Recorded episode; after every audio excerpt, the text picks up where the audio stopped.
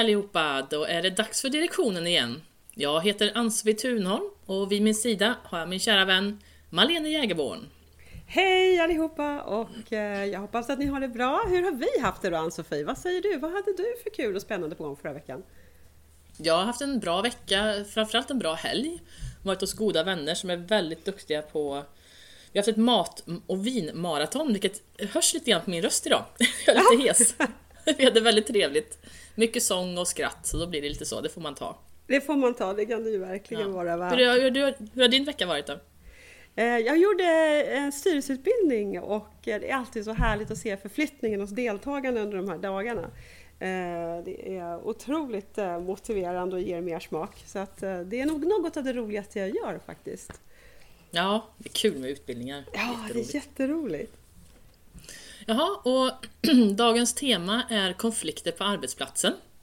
Är det bara dåligt eller kan det komma något bra ur dem också? Eh, de flesta brukar inte vara så förtjusta i konflikter men, men för mig som ofta kommer in som konsult så då kan det faktiskt vara en, en liten guldgruva. För en, en, en konflikt betyder ju att vi har ett, en utomordentlig ledtråd till en gömd potential någonstans på företaget. Så, ja just det! Mm, så en konflikt brukar ju sällan vara liksom företaget till gagn i sig kanske. Men om man blir direkt medveten om problemet så finns det också mycket goda möjligheter till att faktiskt göra förbättringar som kommer göra skillnad bara man ger sig den på att lösa konflikten. För mm konflikter kostar ju pengar, eller hur Malene? Du har Absolut. kikat lite grann på det. Vad, vad kostar det egentligen med konflikter på jobbet? Ja, det rör sig dels både om eh, direkta och dolda kostnader. Så det finns ju både det ena då som, mm. som, man verkligen kan lättare mäta och så finns det ju de som kanske inte är så självklara men som faktiskt är en del av konfliktkostnaden också. Mm. Eh, de direkta kostnaderna, ja men det är ju sjukfrånvaro och omplaceringar.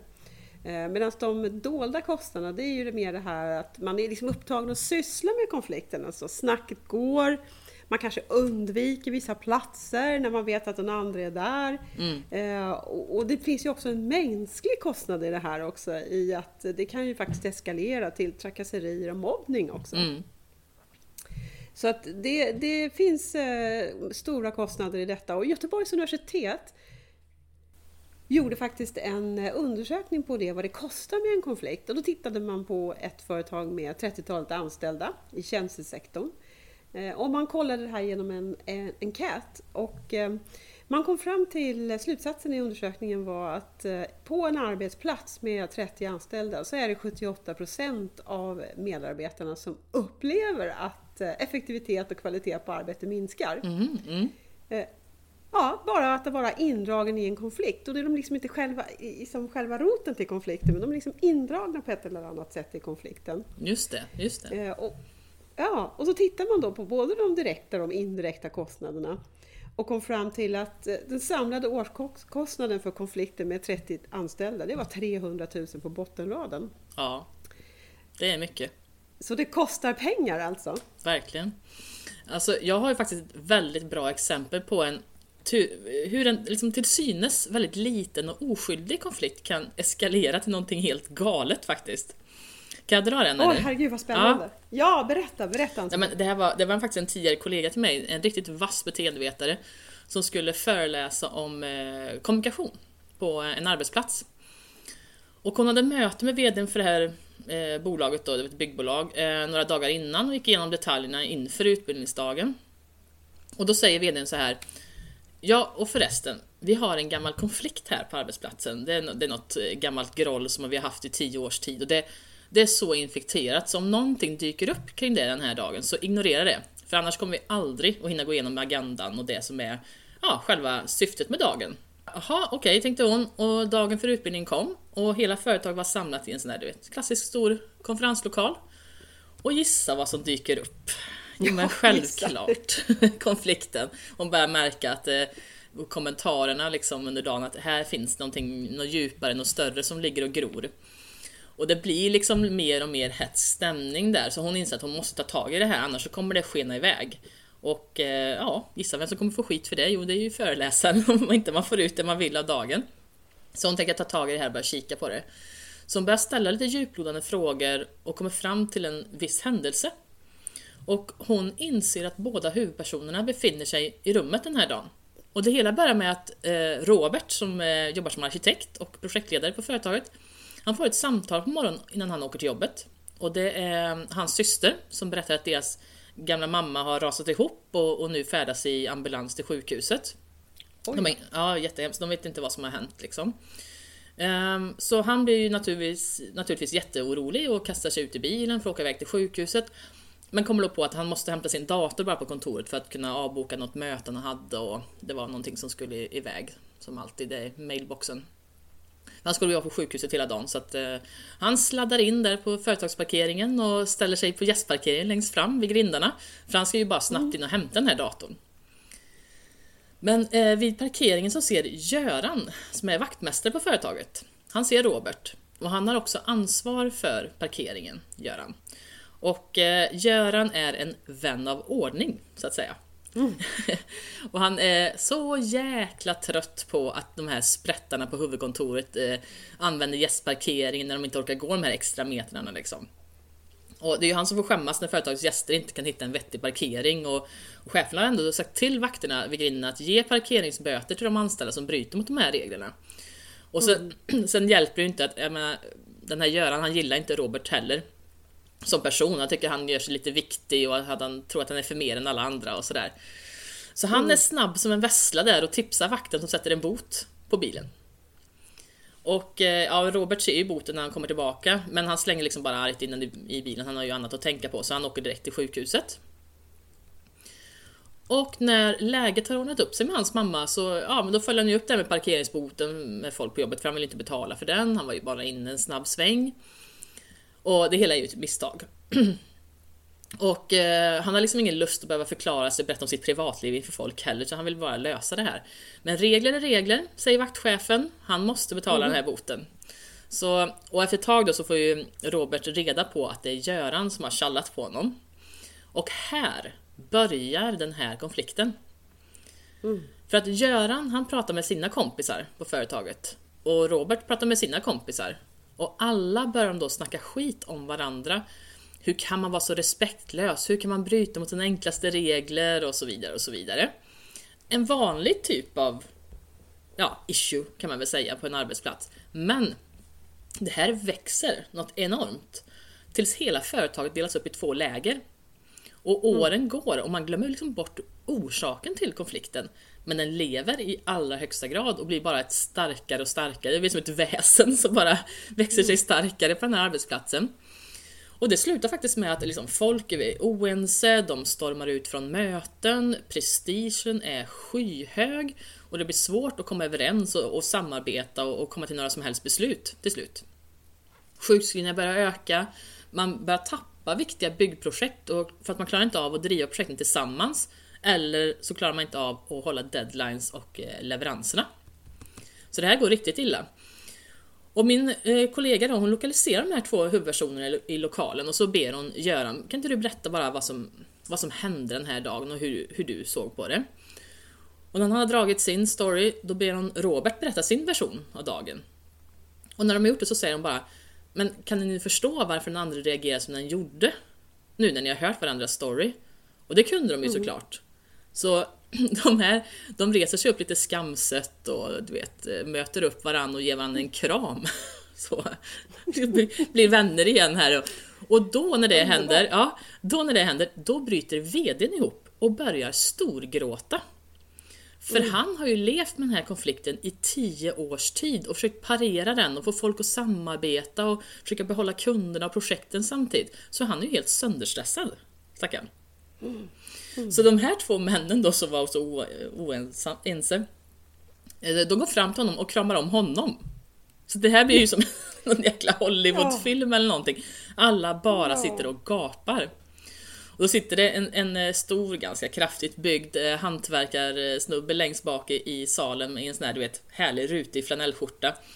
Mm. Och han sitter där med armarna över bröstet och han tittar på min kollega och han tittar på eh, chefen och de här två medarbetarna och så säger han rakt ut på ren värmländska Du är inte dålig du. Till min kollega. Ja, vilken underbar historia Sofie! Fantastiskt! Ja, men... Tänk vad den här personen lyckades med så så kort Ja, tid. och egentligen så att, att en sån extremt stor konflikt som håller på i tio års tid, de här hade ju förlorat enorma summor pengar på det här och en massa mänskligt lidande såklart. Tänk om de hade kunnat kväva den här konflikten i sin linda istället. Man hade ju besparat företaget och människorna tio års lidande. Ja, det har satt sig som en del av företagskulturen helt enkelt. Ja, Hela, det har bara växt ja, och växt, växt och växt. Och växt som, som, du sa, det blev liksom ett fenomen i, i, i organisationen. Ja. Och jag bara tänker Klyftorna bara blir större och större liksom ja. och, och, det blir som ett eget väsen nästan till slut. Ja. Och tänker man på liksom hur, hur, vad som händer när man liksom börjar samtala om roten till konflikten, för det var ju precis vad, vad hon gjorde i det här mm. fallet.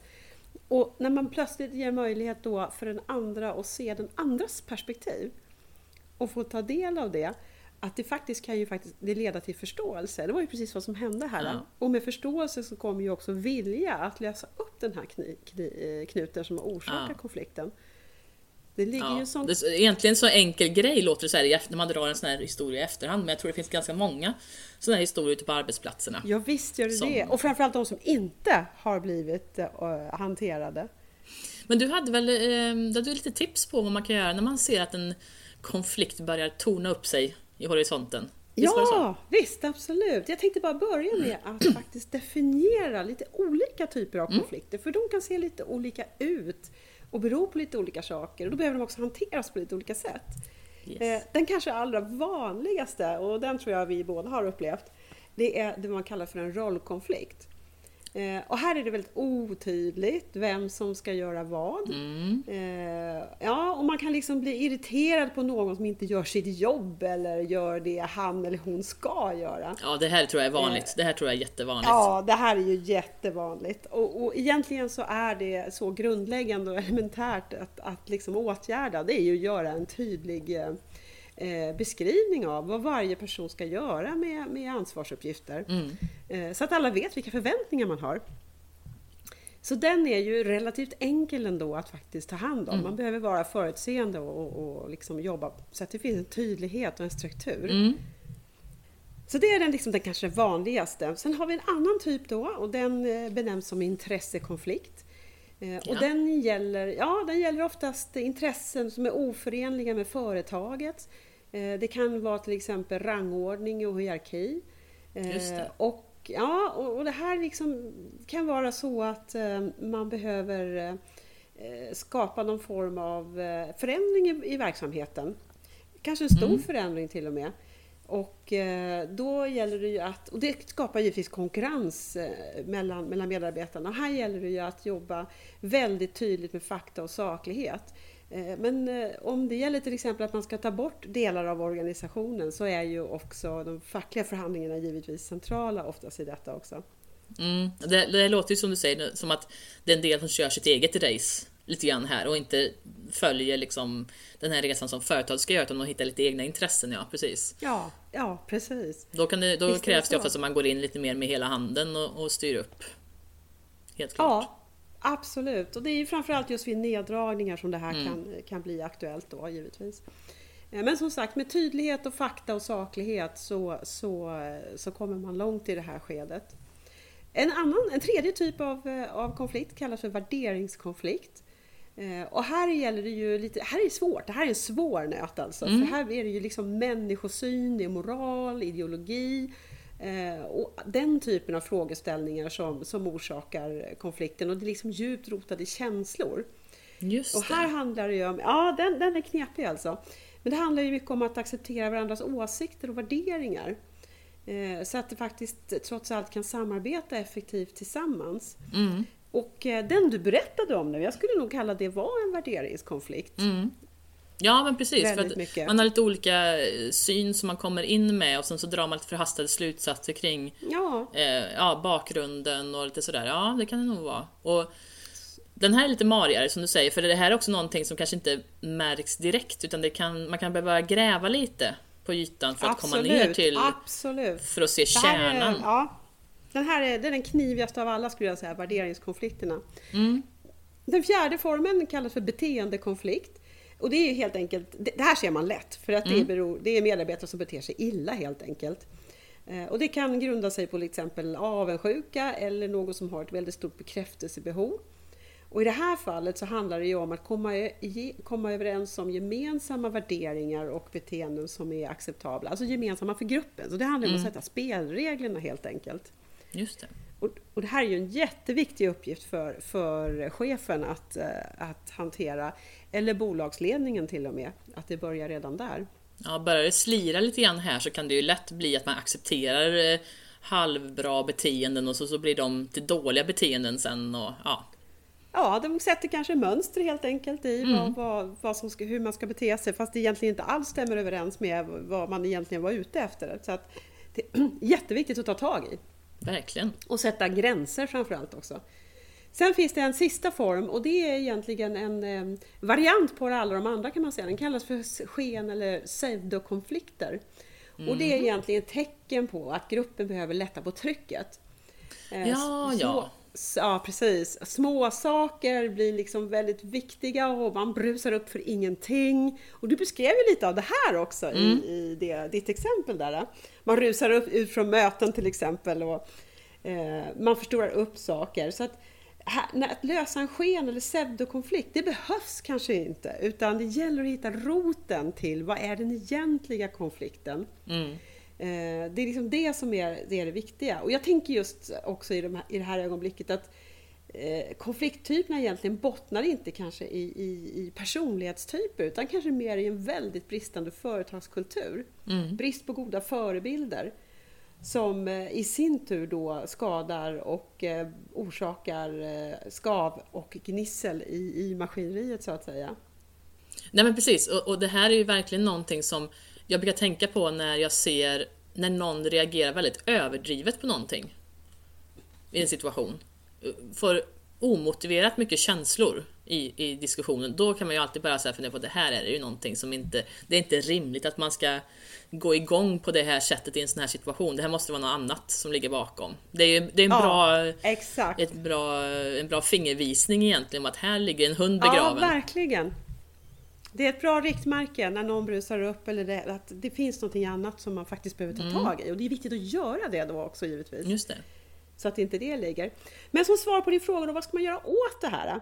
Mm. Ja, eh, vi hittade en bra sammanfattning i eh, webbtidningen Arbetet som gav sju nycklar till att liksom titta på konflikter och vad man kan göra.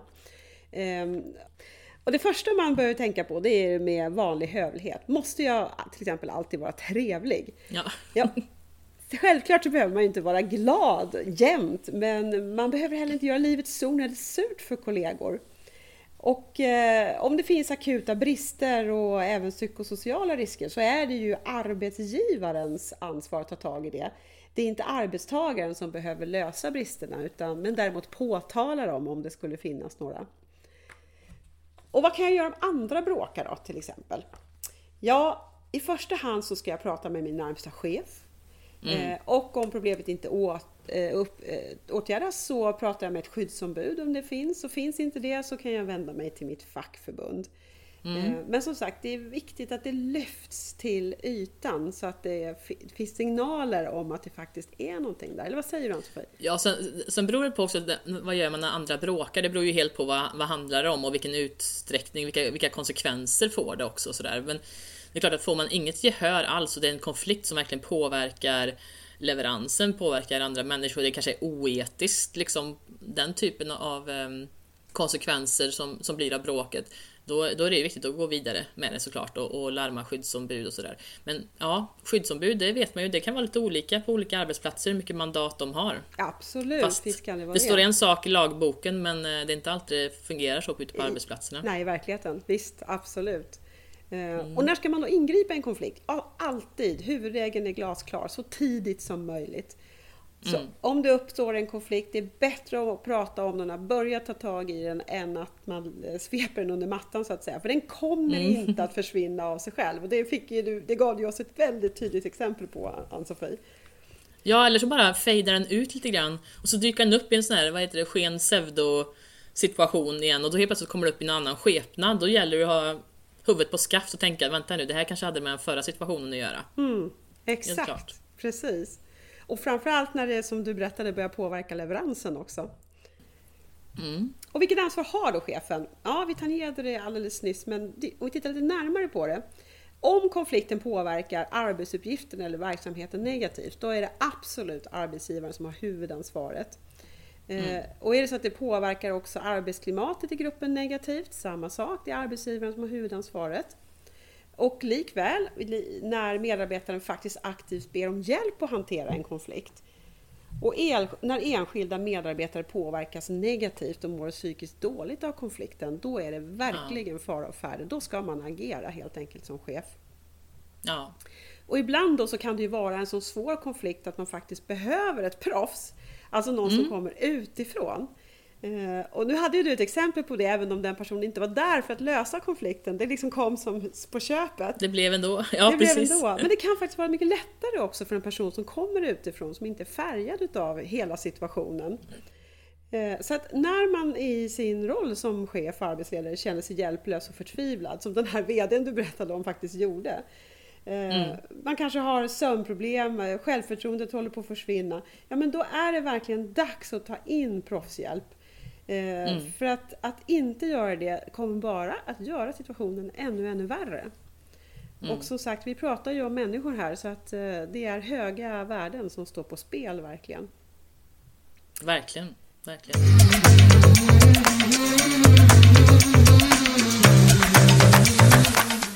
Vi är denna vecka sponsrade av Boardeaser. Boardeaser är ju en säker molntjänst med styrelseportal, rapportering och governance i en och samma plattform och som används av tusentals organisationer från den lilla startupen till stora koncerner.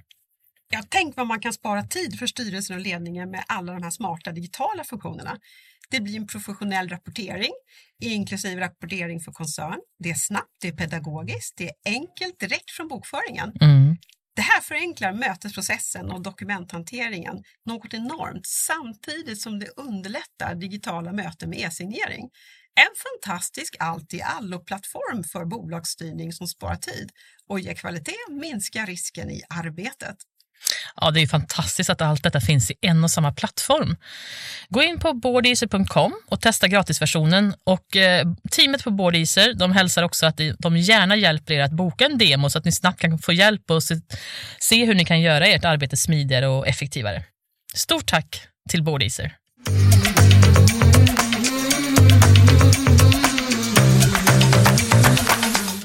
Kan man fråga sig, den som, som, som så att säga bråkar och spär på konflikten då, och man kan liksom hitta en person som driver det. Kan, man, kan den här personen få sparken? Ja, det är inte helt lätt att, att göra utan det måste alltid finnas en saklig grund. Eh, och den anställde måste vara medveten om att beteendet är oacceptabelt och först så måste chefen också undersöka om den anställde kan omplaceras istället för att sägas upp.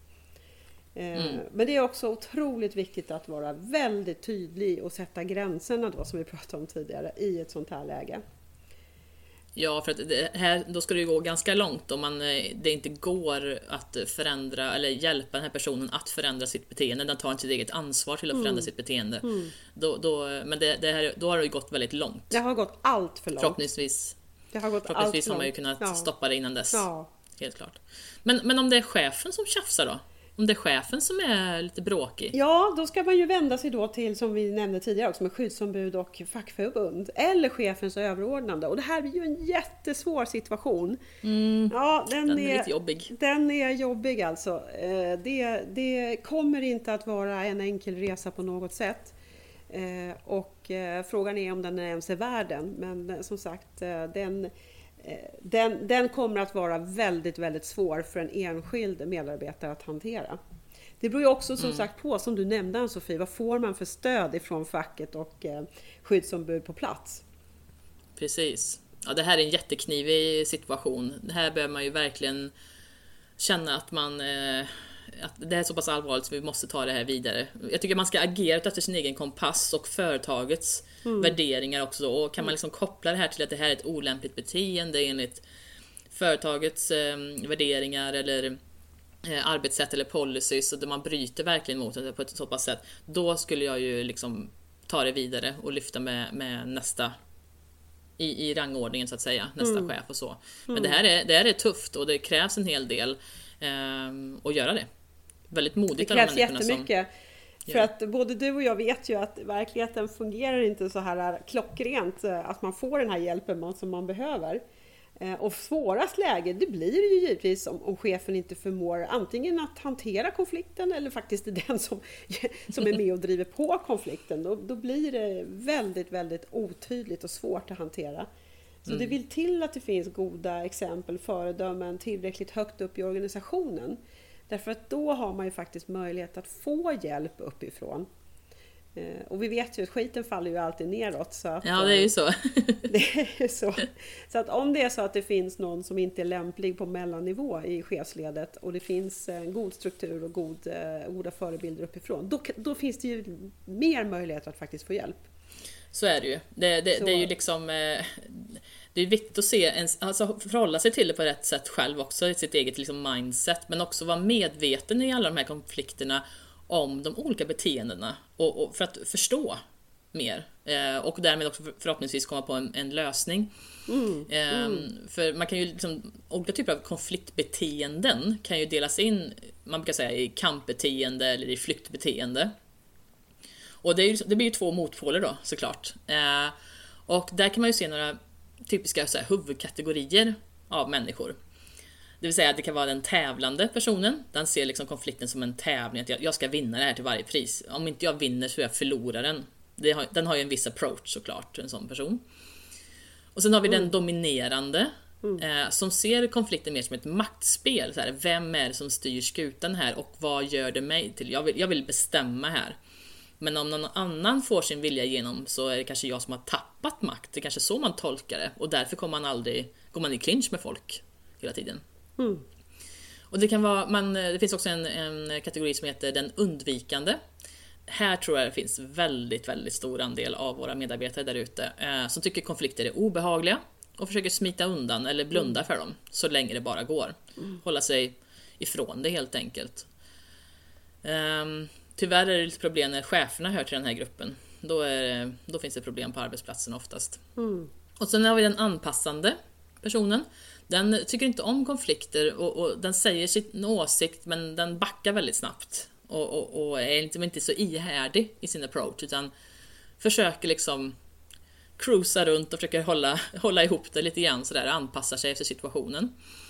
Och sen har vi den samverkande som eh, ser eh, konflikter som ett problem som ska lösas på bästa möjliga sätt och som är lite mer effektiv, eh, ja, driven på det sättet till, effektiviteten. Och sen har vi kompromiss, eh, personer som kompromissar. Eh, som ser konflikter som en förhandling, att vi, vi möts halvvägs här så kommer det alltid bli bra. Du får lite grann, jag får lite grann. Ja, och jag tror om jag rannsakar mig själv Ann-Sofie så tror jag att jag har varit alla de här personligheterna, eller typerna ja, i konflikter. Eh, men, men med eh, åren så får jag väl säga att jag har lärt mig, tack och lov, ett och annat och, och vad som faktiskt fungerar i längden. Ja, och det, det, här måste man ju också inse, det här med värderingar som vi var inne på. Det är lätt att gå igång på den här den tävlande eh, personlig, personligheten när man känner att det här är något som är jätteviktigt. Det här, för mig är det personligen viktigt ja, att, eh, att jag får det som jag vill. Så jag tror man måste erkänna att man har varit i de här olika kategorierna och studsat runt och, och, och, och hållit på. Så att vi är ju inte mer än människor så att eh, det måste vi erkänna. Så sant, så det är inte bara alla andra. Ja, precis. Nej, så att... Um, uh, det är ju lätt att peka på alla andra såklart, men, men uh, vårt eget mindset är ju viktigt. Alltså, dels att förstå varför, inte bara gå igång på känslor och reagera, utan faktiskt också tänka, vänta nu, vad är det som händer? Varför är Nisse och Anna sura på varandra? Och inte själv gå igång på utan faktiskt se det för vad det är. Det tycker jag är viktigt. Det är jätteviktigt. Och så som du nämnde då, vårt eget mindset är ju jätteviktigt i hur vi agerar i, i typer av omständigheter som kan leda till konflikt eller som redan är en konflikt. Mm. Eh, och jag hittade något intressant av docent Thomas Jordan om en konfliktmodell som består av fyra alternativ. Eh, och eh, där är tre aktiva och en är passiv. Mm. Vi kan ju alltid välja att påverka. Det vill säga, du själv gör, vad, vad, du själv gör för att strategiskt påverka beteendeförändringar. Nummer två då, det är ju istället för att aktivt påverka, att gilla läget. Att försöka göra det bästa av saken helt enkelt. Och eh, att välja hur man förhåller sig, alltså sitt eget mindset. Hur mm. förhåller jag mig till situationen? Nummer tre är också en aktiv, ett aktivt val och det är att eh, man helt enkelt inser att men det här kommer aldrig att fungera. Jag behöver söka ett nytt jobb. Så det är de tre, tre aktiva. Det är att eh, påverka beteendet eh, som man vill förändra, att eh, göra det bästa av saken eller att söka ett nytt jobb. Det, ja. det är liksom de tre alternativ man har. Mm. Och sen har man ju det, det, tre, det, det sista alternativet, nummer fyra, det är ju bara att flyta med. Mm. Ehm, att bara liksom, eh, ja, gilla läget och flyta med och inte göra någonting åt det. Men här är ju risken jättestor att man fastnar i frustration och att konflikterna egentligen bara ökar. Mm. Och, och, det är ju trist både för en själv givetvis och för omgivningen. Ja, för det, det, det föder ju verkligen känslan av att man inte kan påverka någonting och det är ju inte en bra, på sikt så är det ju inte en bra känsla att ha i kroppen. Helt klart. Nej, verkligen, verkligen. Mm. Och jag hittade en intressant sammanställning också i Kvalitetsmagasinet som visar att varannan svensk upplever konflikter på jobbet minst en gång i månaden. Mm, det är mycket. Det är väldigt mycket. Om man då tänker tillbaka på den här undersökningen från Göteborgs universitet att det kostar 300 000 på bottenraden för 30 anställda, då blir det stora pengar alltså. Mm. Men det som man eh, framför allt ser här, det är eh, att chefen har några utmärkande egenskaper som, som driver på konflikten. Och det är bland annat, alltså några viktiga egenskaper som driver konflikter är just att chefen är konflikträdd. Och vi har ju tangerat det här redan. Så att om man liksom vill ha hjälp utav sin chef och chefen är konflikträdd, eh, då är det ju knepigt att få, få komma vidare med, med att lösa konflikten. Eh, och sen kan det ju också vara så att chefen är väldigt känslig för kritik och tar det personligt. Och även det kommer ju orsaka en svår situation. Ja, precis. Sen kan chefen också vara självcentrerad och tycka sig veta bäst och väldigt auktoritär i sin ledarstil. Och de här tre egenskaperna kommer ju definitivt inte att göra det lätt att få hjälp av sin chef att eh, lösa en konflikt. Nej, då, då är det svårt att approacha, liksom möta upp en sån person som är väldigt auktoritär och, och, och mm. kanske inte så öppen liksom för andra intryck. Så. Mm, mm. Det är mm. tufft. Inte öppen och ser från andra synvinklar heller Nej. säkert. Är det möjligt eller önskvärt att leva utan konflikter? Då? Ja, sett utifrån att vi alltid ställs inför val, eh, att vi är olika, så är det faktiskt inte möjligt med en konfliktfri miljö och det ska heller inte Nej. vara eftersträvas att ha det. Eh, för vi behöver utveckling, vi behöver utmana invanda mönster, vi behöver utmana också värderingar för att se att de faktiskt gynnar det som är syftet med, med uppdraget. Ja, jag tror det, det är viktigt. Det, det, är lite olika också vad man lägger in i ordet konflikt. Jag vet, det är en klassisk grej på medarbetarundersökning. Många frågar Men vad betyder egentligen konflikt när de ska svara på frågorna och sådär. Jag tror att allt ifrån meningsskillnader till en mer utvecklad konflikt. Jag tror att det kan alltid finnas bra saker att få ut av dem. Man vill, som du säger, man vill inte att det ska vara helt smärtfritt. För om alla är nöjda och bra och ingenting någonsin skaver på något sätt, då då finns det nog risk för att man är lite fat and happy och eh, har blivit lite för bekväm, tror jag. Så ja, någon liten absolut. uppfriskande diskussion eller intressekonflikt behöver det finnas ibland. För att man ska vara på tå. Framförallt så, ja, framförallt så har nog utvecklingen avstannat totalt i en sån miljö. Ja. Eh, så, så, att just eh, konflikter blir ju en naturlig del av mänsklig, mellanmänsklig eh, interaktion. Och har vi struktur och tydliga förväntningar som motsvarar resurserna som behövs, ja men då är det lättare att hantera konflikter och också för chefen att agera som förebild. Mm. Och som sagt, konflikterna kommer att leda till utveckling. Ja. Och summerar man kostnaden för att mer än varannan svensk upplever konflikt på jobbet så ofta som en gång i månaden, ja men då handlar det verkligen om miljarder som svenska bolag kastar i sjön, återigen. Mm. Uh, och, och därmed så borde ju medarbetarnas psykosociala arbetsmiljö och företagskulturen, den borde ligga väldigt högt upp på styrelseagendan. Verkligen, verkligen. Man har gjort mycket undersökningar kring det där vet jag också. Eh, just det här kring bara negativa känslor.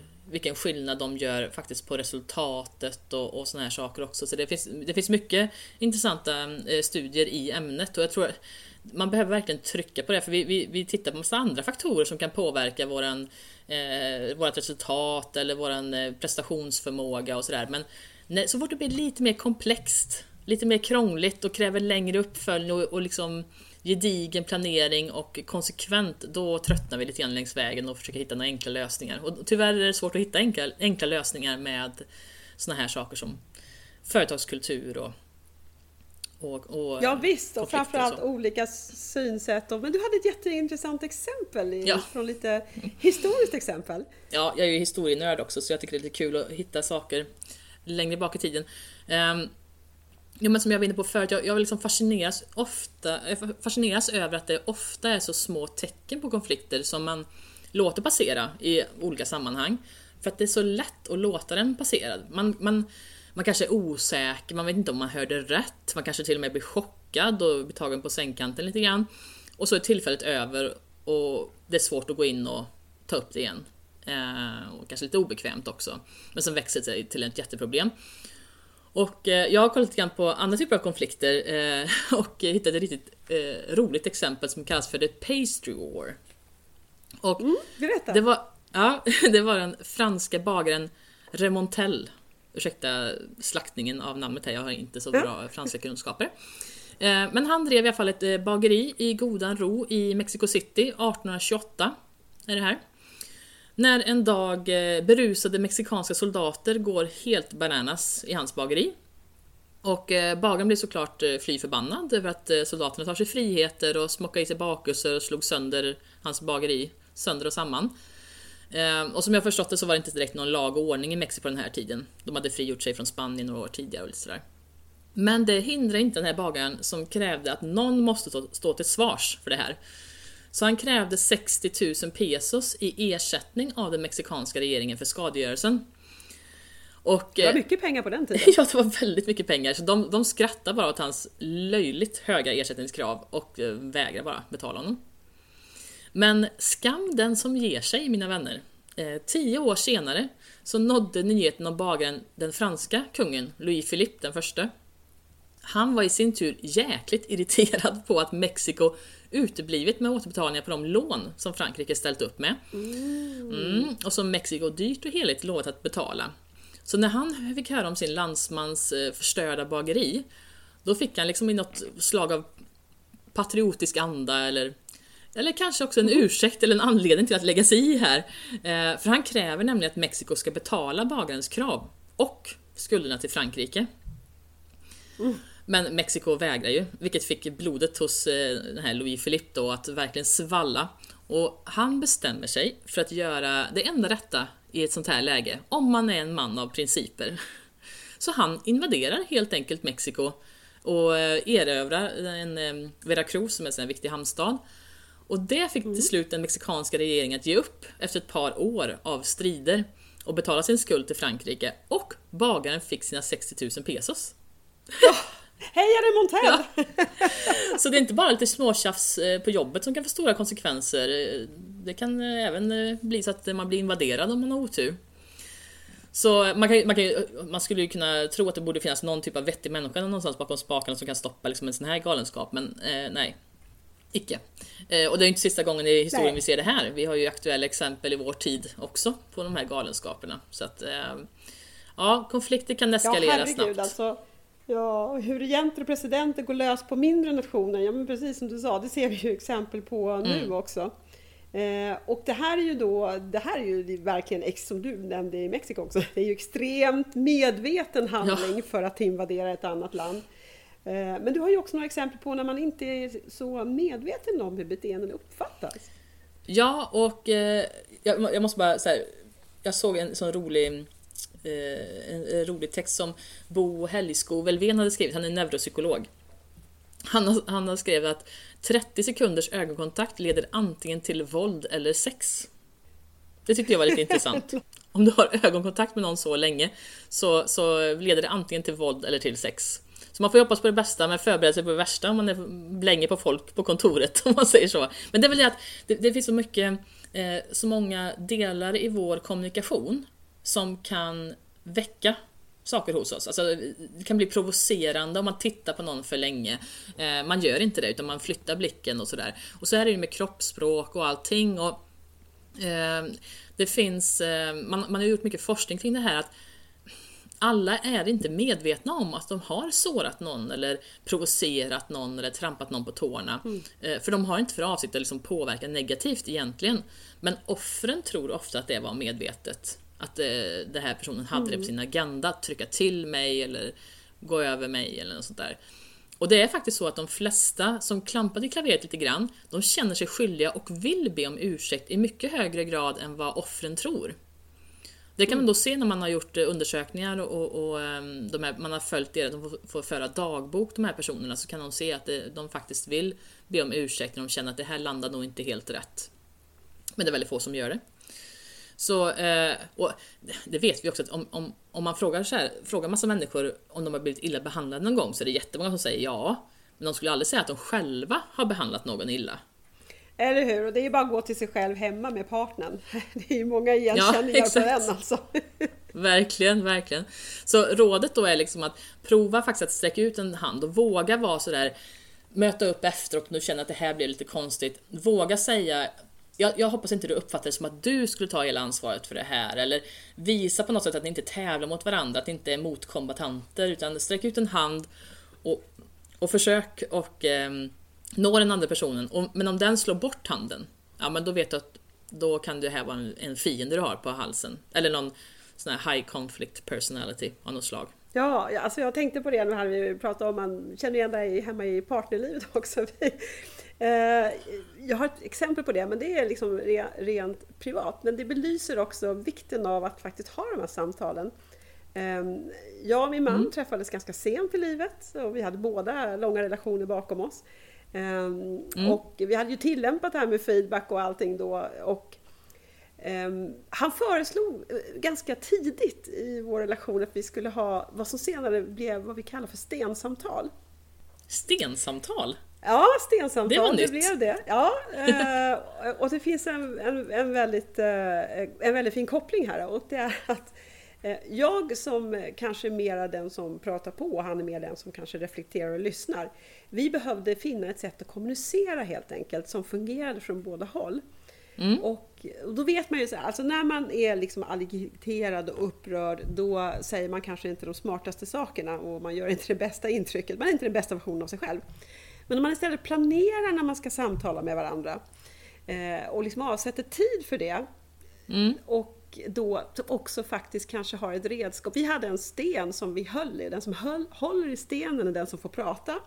Medan okay. den andra helt enkelt får lyssna. Helt ja, och, ja, eh, bra tips. Lyssna, ja. lyssna utan att värdera, bara lyssna och ta in och sen reflektera över vad, vad, vad man säger då och vad man tycker är viktigt att lyfta. Och Alltså det var mycket gråt och tandagnisslan under de här samtalen. Men vi gjorde det väldigt medvetet under ungefär ett halvårs tid. Så en gång i veckan satt vi och hade våra stensamtal. Och jag lovar jag har aldrig lärt att känna en person så snabbt som jag lärde känna eh, min man nu då.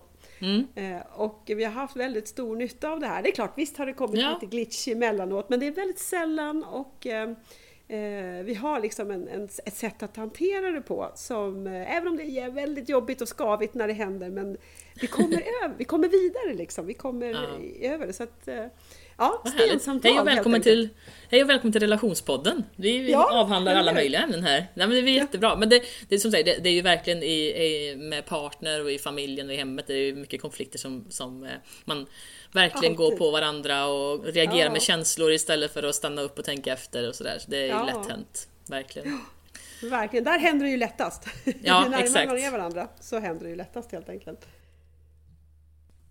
Så man ser ju att konflikter finns på alla håll. Det finns ju även privat och det finns även på jobbet. Det är mellanmänskliga relationer. Vi kommer aldrig att undvika dem och tack och lov, för vi är ju faktiskt människor.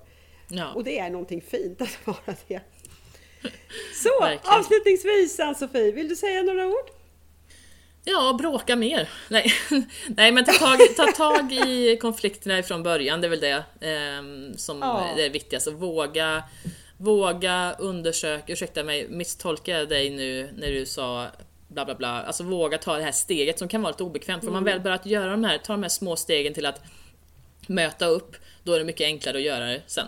Så att man behöver bara komma över mm. den där tröskeln och skapa den där eh, lite mer ödmjuka nivån där vi, man bara ser, säkerställer, är vi på samma nivå? Vi, vi har ingen schism som ligger här och pyr nu. Liksom.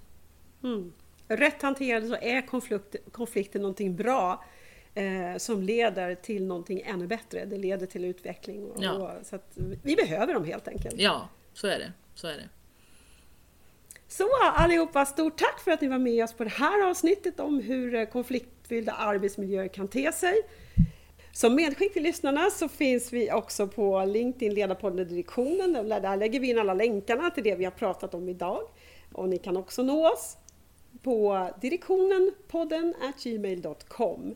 Ja, precis. Eh, och eh, jättekul att diskutera om konflikter, det tycker jag var ett riktigt roligt ämne. Och nästa vecka kommer vi tillbaka med något annat. Det har vi inte bestämt än vad det blir för ämne, men vi, vi, vi återkommer nästa vecka med nya spännande diskussioner. Ja, vi har en lång lista att plocka från. Ja, det har vi. lång lista. Ha det bra allihopa! Ha det bra, hej då! tack hej!